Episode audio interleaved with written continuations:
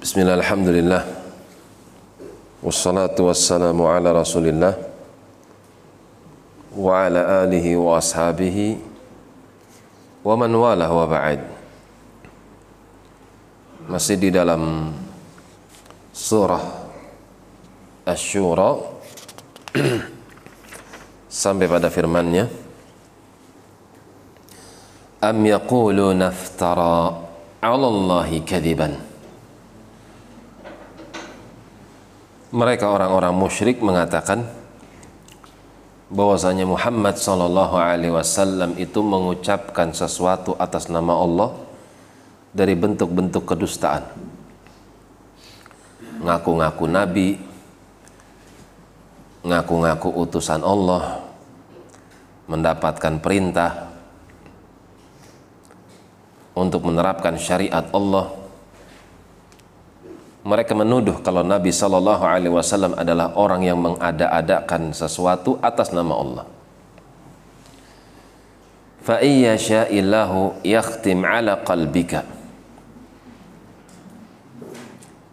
Kalau Allah berkehendak, niscaya Allah Subhanahu wa taala akan kunci mati hatimu ya Muhammad sallallahu alaihi wasallam. Kalau hati sudah terkunci, lisan akan terkunci. Ayat ini senada dengan firman Allah dalam surat Al-Haqqah walau taqawwala alaina ba'dal aqawil. Kalau dia Muhammad sallallahu alaihi wasallam mengucapkan sesuatu atas nama aku dengan ucapan-ucapan dusta la khadna minhu bil yamin. Aku akan matikan dia. Aku akan cabut ruhnya dengan tangan kananku Thumma laqata'na minhu watin. Kemudian aku akan putuskan urat nadinya. Fama minkum min ahadin anhu hajizin. Niscaya tidak ada satu orang pun yang sanggup menolong Muhammad sallallahu alaihi wasallam kalau aku matikan dia.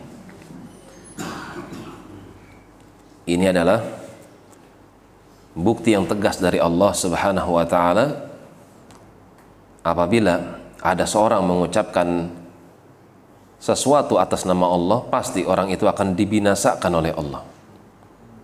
Akan tetapi justru keadaannya berbeda. Muhammad sallallahu alaihi wasallam dimenangkan.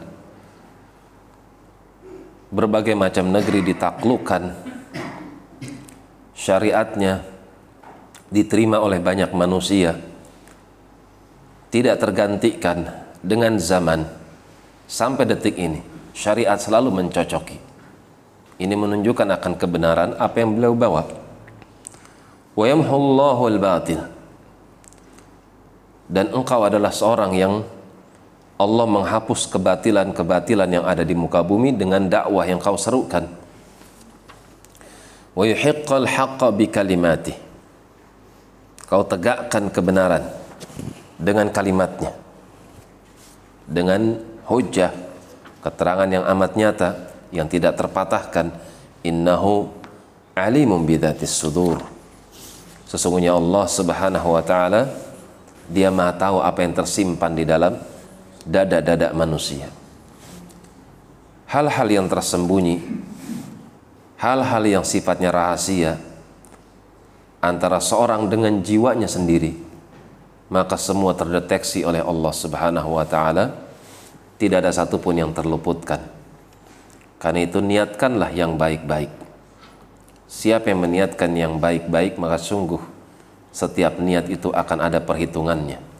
Meskipun kadang niat itu tidak diwujudkan dengan amalan, akan tapi seorang yang punya niatan baik maka sungguh sudah ada perhitungannya di sisi Allah Subhanahu wa taala.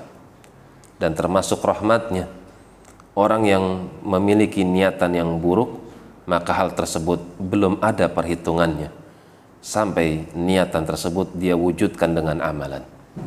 Innahu alimun bidatus sudur. Dia Allah Maha tahu apa yang terbetik di dalam dada-dada manusia.